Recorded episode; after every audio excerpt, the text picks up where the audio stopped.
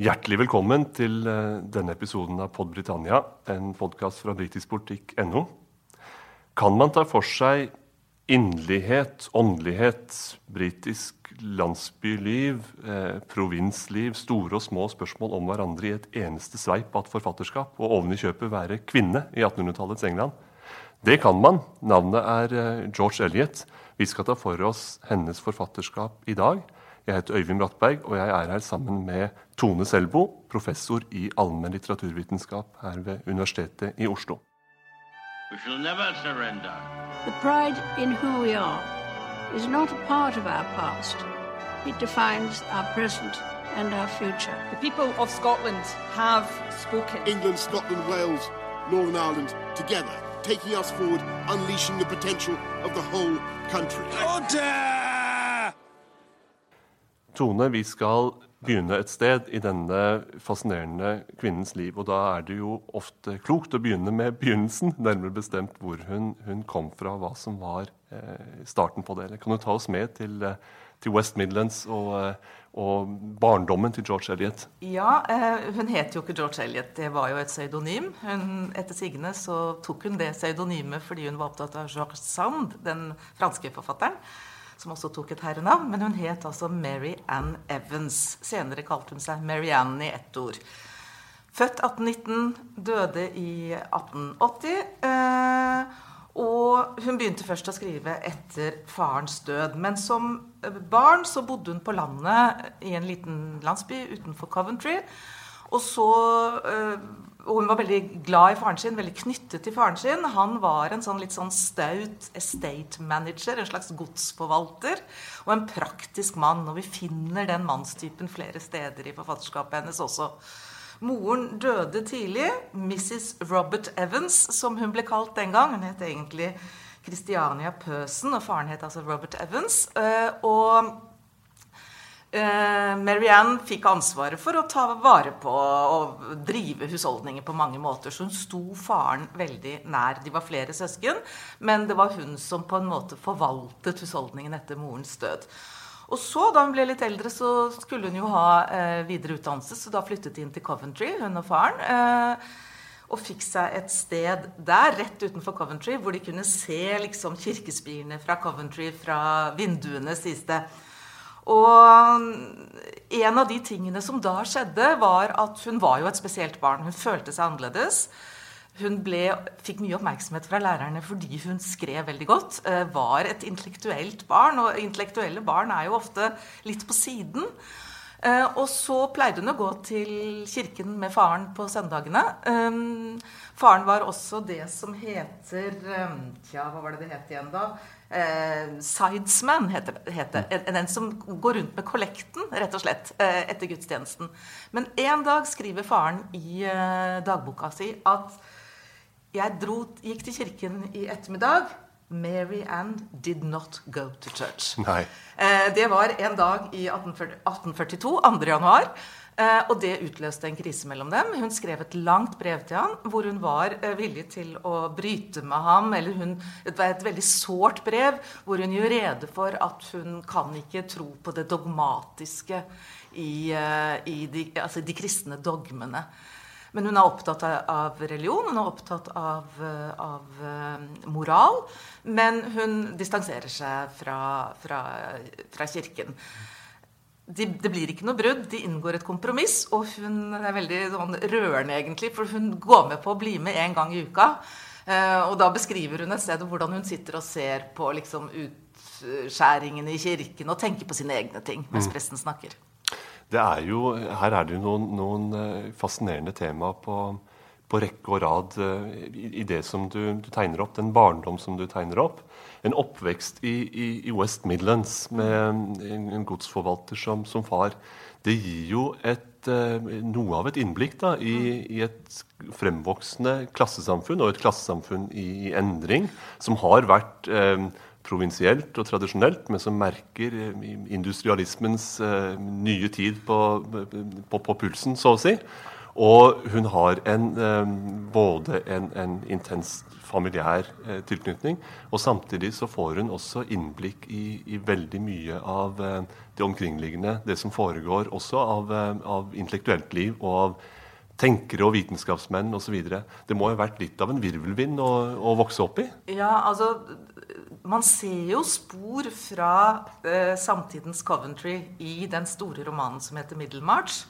Eh, men samtidig så er det veldig få detaljerte beskrivelser i Middlemarch. Men man ser noen tydelige spor. Blant annet eh, Coventry var jo en tekstilby.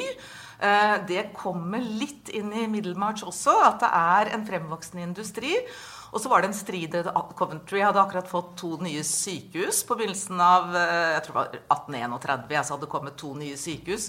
Og hele den medisinske disputten i Middlemarch, hvor det kommer en ny lege til denne lille byen eh, som heter Lydgate, og han har veldig store ambisjoner på vegne av faget sitt medisinen, men blir jo motarbeidet av the, establishment. Og eh, han prøver f.eks. For å forhindre at en døende pasient blir gitt eh, et stort glass brandy på, for å liksom kurere hjertet. Og det er klart, Ettertiden har, har, jo gitt ham rett at det kanskje ikke er den beste måten å kurere et sviktende hjerte på. Sånn at man ser samtidens diskusjoner, både politisk eh, i de valgkamper som blir holdt, lokale valgkamper, man ser lokale uenigheter, man ser f.eks. diskusjonen om jernbanen som mm. skal komme. Det er jo veldig viktig tema både i sånn rent reelt historisk på denne tiden, men mm. også i engelsk litteratur fra denne tiden. Den diskusjonen dukker også opp.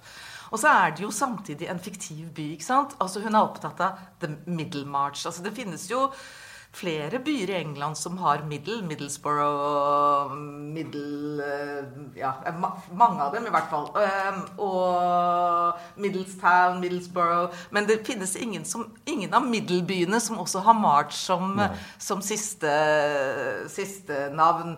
Det finnes en by som heter March i Cambridgeshire, men, men som sagt, det er en by som på en måte henter opp eh, noe av denne, dette allmenne provinsielle. Og undertittelen på Middelmarch er jo 'A Study of Provincial Life'. Mm. Men hun begynte jo ikke å skrive skjønnlitteratur før hun flyttet fra Coventry-området, fra The Midlands og inn til London. Vi skal, vi skal vende litt tilbake til det, til det litterære. og det er vel ganske tydelig at uh, måten George Eliot bruker egen oppveksterfaring og det omkringliggende, det, det, fungerer jo godt som realistisk litteratur, hvor du ikke trenger å, å dykke ned nødvendigvis i, i all dets vesen, men, men, har etablert en veldig solid kunnskap om samfunnet slik det så ut, og nok til å kunne stille opp egnede, et egnet handlingsforløp, rett og slett.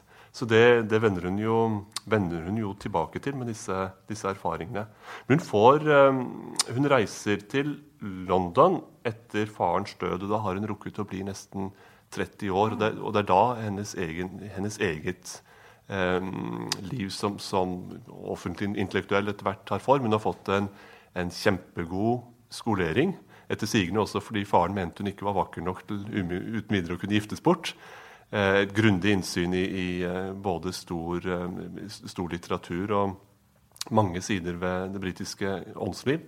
Og så tar hun på et vis sats og vil selv bli forfatter. Ta oss med til 1850-tallet og hva som da skjer. Hun kommer til London i 1850. Og så har hun jo blitt introdusert til intellektuelle kretser allerede i Coventry via en familie eh, som heter Bray, Charles Bray, som hadde et slags sånn fritenkerkrets, og introduserte henne til eh, samtidens skrifter. Og via Charles Bray så traff hun også George Henry Lewis. Og han er jo en interessant fyr, for han var nemlig allerede gift med Agnes. Eh, og det var ikke han som hadde gått fra Agnes, men det var Agnes som hadde vært utro med han ganske tidlig med en nær familievenn. Hun får, Agnes får da to barn, eh, nei fire til slutt, med denne vennen til eh, George Henry Lewis, og bor sammen med han, men er fortsatt gift med Lewis. Og så blir George Henry Lewis og uh, Marianne et par. Og hun flytter inn, og hun regner ham som sin ektemann. Hun omtaler ham som sin ektemann. Og hun får etter hvert også et veldig godt forhold til i hvert fall et par av sønnene hans. Men, eh, men, det er klart, dette ble ikke sett nådig på i samtiden. For selv etter viktorianske standarder, og det var jo innført en ny skilsmisselov rett før, som gjorde det litt lettere å skille seg, f.eks., så, så var dette ukonvensjonelt, for å si det mildt. Han ble aldri skilt, men de levde sammen som et ektepar. Og det sies jo at hun aldri selv aktivt inviterte folk hjem til dem, men de holdt en slags sånn litterær salong eller en intellektuell salong på søndag ettermiddag, hvor det kom filosofer som Herbert Spencer og andre store navn. Og Louis var filosof, og han var eh, litteratur- og teaterkritiker. Og de drev jo begge en utstrakt uh, tidsskriftvirksomhet og skrev, og hadde et arbeidende og kjærlig fellesskap, så vidt jeg kan forstå. Ut av dette fellesskapet så springer det et uh, svært uh, arbeid som litteraturkritiker og essayist og slags samtidskommentator, nærmest, gjennom, uh, gjennom hennes mange artikler på, på 1850-tallet. Og så debuterer hun selv som, som, romanforfatter mot slutten av det tiåret, når hun mm. nærmer seg 40 års alder. og Det er da hun tar i bruk pseudonymet. Hva, hva var bakgrunnen for, for det? Ja, altså Jeg vet ikke egentlig hva bakgrunnen var, annet enn at eh, hun levde jo allerede et ukonvensjonelt kvinneliv. Og det, hun var jo først med, med, bok nummer to, som var den store romanen 'Adam Bede', som kom i 1859, at hun, hun trådte fram som eh, George Eliot. Altså at hun Kvinnen bak pseudonymet. Den første boka som kom i 1857, som er tre fortellinger, heter 'Scenes of Clerical Life'. Den var det jo masse spekulasjoner rundt. Hvem har skrevet denne? Og det er jo en lang historie som, jeg, som, blir for komplisert å ta opp her. Men det er jo da en av hennes bysbarn, eller en, som, en litt sånn håpløs type som, En lykkejeger? En lykkejeger i aller høyeste grad. Som antyder, og mer enn antyder, at det er han som er forfatteren. Så dette tar lang tid før dette blir oppklart. Og jeg tror til å begynne med at det passet henne godt å kunne få lov å skjule seg. Og det hører jo også med til historien at hun hadde jo håpet at bl.a. en av halvsøstrene hennes, altså faren hennes, hadde vært gift eh, før, skulle godta det ekteskapslignende forholdet, fordi hun selv visste hvordan det var å liksom være litt sånn halvveis inni en familie når ens far inngår et nytt ekteskap og får en ny familie. Da måtte de første barna flytte et annet sted. Men hun får ingen forståelse. Og det er først etter at hun dør, at uh, den gjenværende broren, som var veldig dominerende, eh, f.eks. godtar Eller først etter at Louis dør, at de godtar uh, George Eliot som den hun er som voksen og moden forfatter. Så hun tar dette herrenavnet, George Eliot, og blir fra da av en offentlig intellektuell fra og med Adam Bede. Og så kommer det store gjennombruddet eh, med Adam Bede fikk eh, gode anmeldelser, men 'Middlemarch' er jo hennes store verk. Og Da har det gått ytterligere et, et ja. drøyt tiår. Ja, det er, det er, omtrent parallelt med at Charles Dickens ja. går bort. Og, og, det er jo regnet litt sånn symbolsk blant de som som sier at 'Middelmarch' er av de største eh, britiske romaner, og, og, George Eliot er dermed også av de største britiske romanforfattere. At det er noe symbolsk i at hun tar over stafettpinnen på et vis etter, og, etter, Dickens. Og, og Dickens beundret, jo, beundret henne jo. Han kom jo på besøk til dem ved St. John, John's Wood, der de bodde. Var, men altså, han gikk jo bort da før han fikk oppleve hennes store gjennombrudd. Så de hadde en viss kontakt, eh, George Eliot og, Charles Dickens. Det er en enorm roman, eh, 'Middelmarch'. Eh, kan du, hvis du kort skulle, skulle oppsummere den, og, og, kanskje samtidig si noe om hva som har gjort den så sagnomsust i eh, britisk litteraturhistorie? Ja, altså den, eh, den, Det er jo en svær roman på en 800 sider, eller noe sånt. Og den følger den unge og vakre Dorothea Brooke, eh, som eh, velger å gifte seg med en mye eldre vitenskapsmann eh, og prest, eh, Kossebon, Edward Kossebon som ikke Som alle mener er helt håpløs. Og det er han på en måte også, men George Eliot er jo ute etter å vise at alle mennesker i denne romanen har på en måte noe det er verdt å lytte til. Dette ekteskapet går ikke spesielt bra. Han, eh, han, eh, han dør, og så ender det da til slutt med at hun gifter seg med hans unge slektning. Og det har jo mange ikke vært så veldig fornøyd med, fordi at Dorothea Brooke hun skulle på en måte utføre noe på egen hånd. Det gjør hun i og for seg også. Uh, hun er en veldig veldig interessant kvinneskikkelse nettopp fordi hun hun er en som ønsker å ta del i, i Middelmarts sosiale liv og hjelpe til.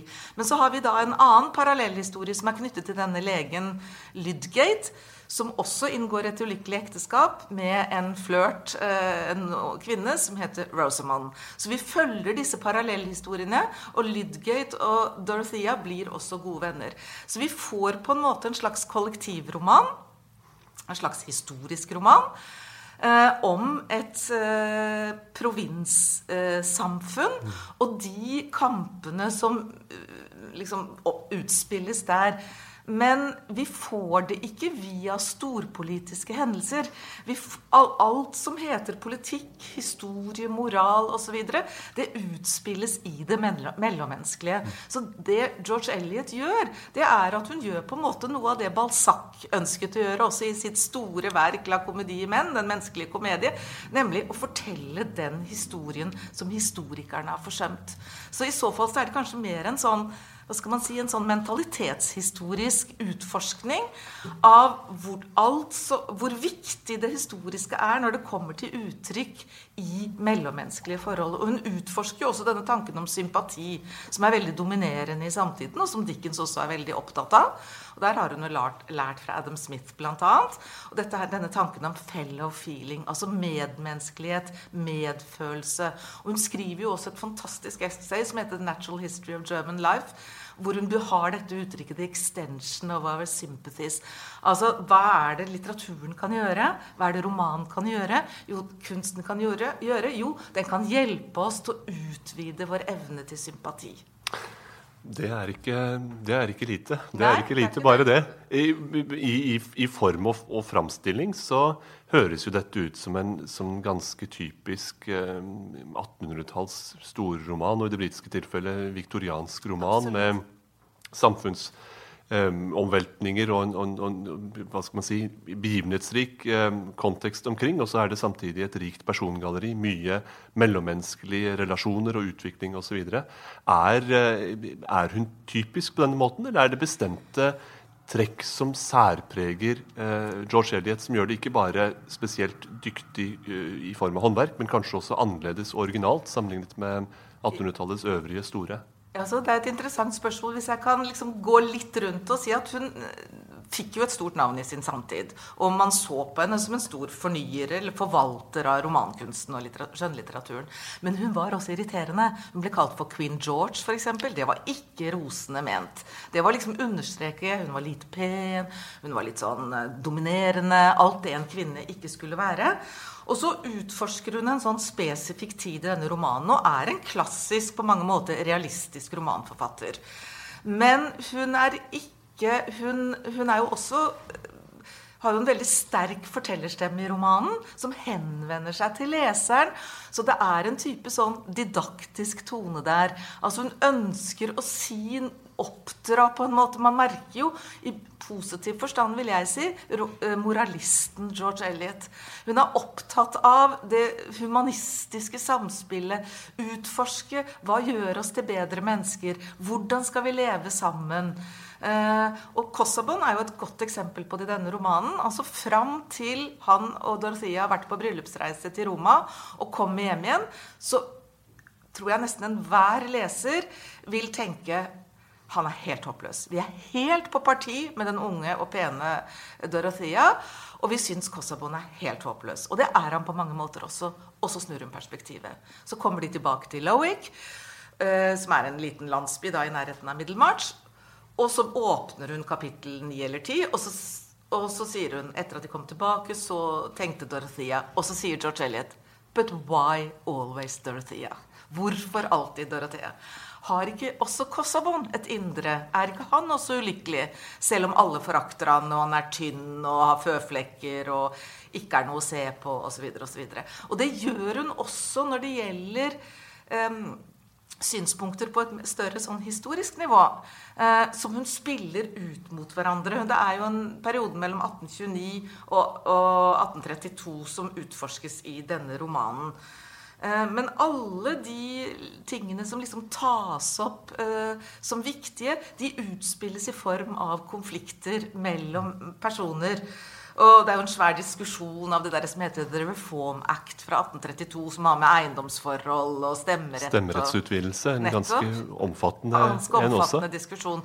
Den blir jo diskutert i denne romanen, men ikke først og fremst som en dårlig realist ville gjort, vil jeg si.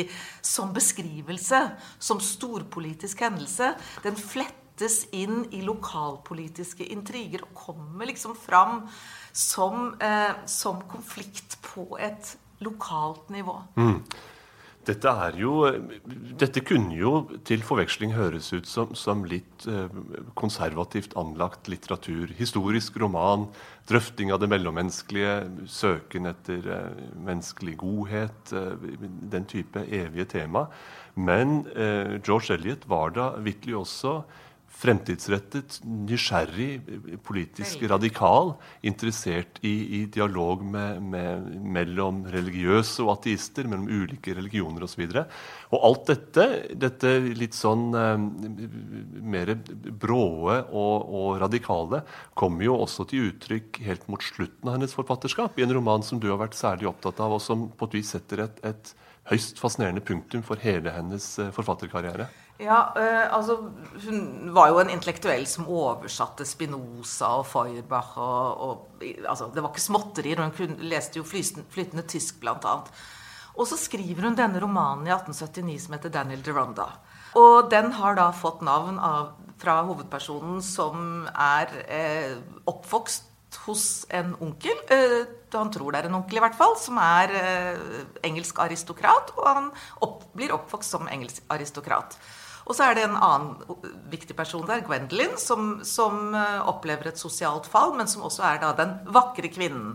Og forventningen er at disse to skal få hverandre. Det skjer ikke. For i løpet av romanen så oppdager Daniel Ronda hvem som er hans virkelige foreldre, eller hvem som er hans virkelige mor. Altså denne såkalte onkelen er hans virkelige far, men hans mor er jødisk.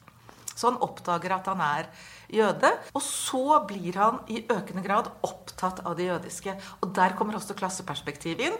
For jødene er knyttet til et mye lavere sosialt lag. Han trekkes da inn via en, en lærd mann som han blir kjent med. Og dette er fattige mennesker. Dette er folk som ikke har, er privilegert på den måten som Daniel er selv. Og det George Eliot gjør, det er jo at hun via Daniel Deronda henter fram en tradisjon som er Og drømmen om et eget land. Altså Det er jo så interessant i lys av ettertidens eh, diskusjoner. Og romanen slutter med at han planlegger å dra da til til Midtøsten for å være med på å planlegge for et eget land for, eh, for eh, jødene.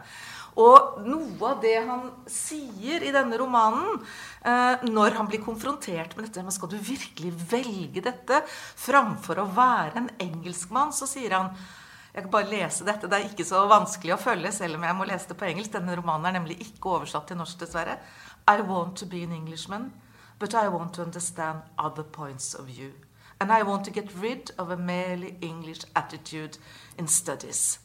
Og George Eliot sier selv at hun går fra å være en som syns at dette jødiske er bare ubehagelig, revolting, sier hun som, som yngre, til å bli enormt fascinert av det, og sier at hun vil utforske dette at vi engelske i møte med det fremmede og det orientalske, så er vi rett og slett eh, så foraktfulle.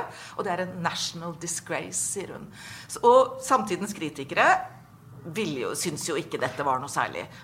Det er altså den, den eh, avsluttende romanen, og nå er vi helt på slutten av 1870-tallet. Og det er en, visselig en roman som, som taler til vår tid. Eh, et stikkord for hele denne eh, serien med forfatterpodkaster er forfattere som speilet og formet sin tid.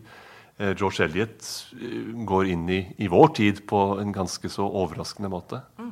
Det gjør hun, og jeg syns hun gjør det både når det gjelder hva som er mulighetsrommet for kvinner. Hele diskusjonen rundt Dorotheas fremtid. Betyr det at hun så å si svikter sin oppgave som frigjort kvinne når hun da velger å gifte seg og få barn igjen og ha med både hode og kropp, som hun ikke har med i sitt første ekteskap? Eller betyr det at George Eliot sier det motsatte, som jeg tror, da?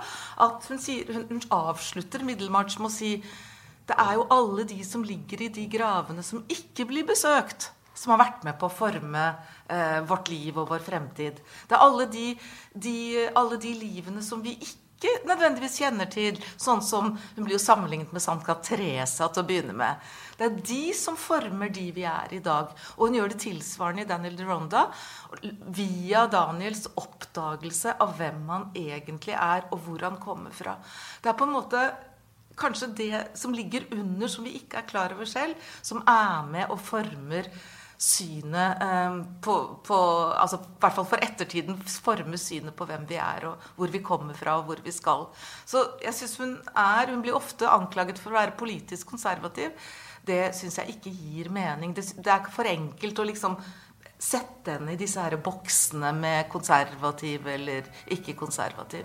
Hun er opptatt av hva som former et liv, og hvordan vi blir de vi er.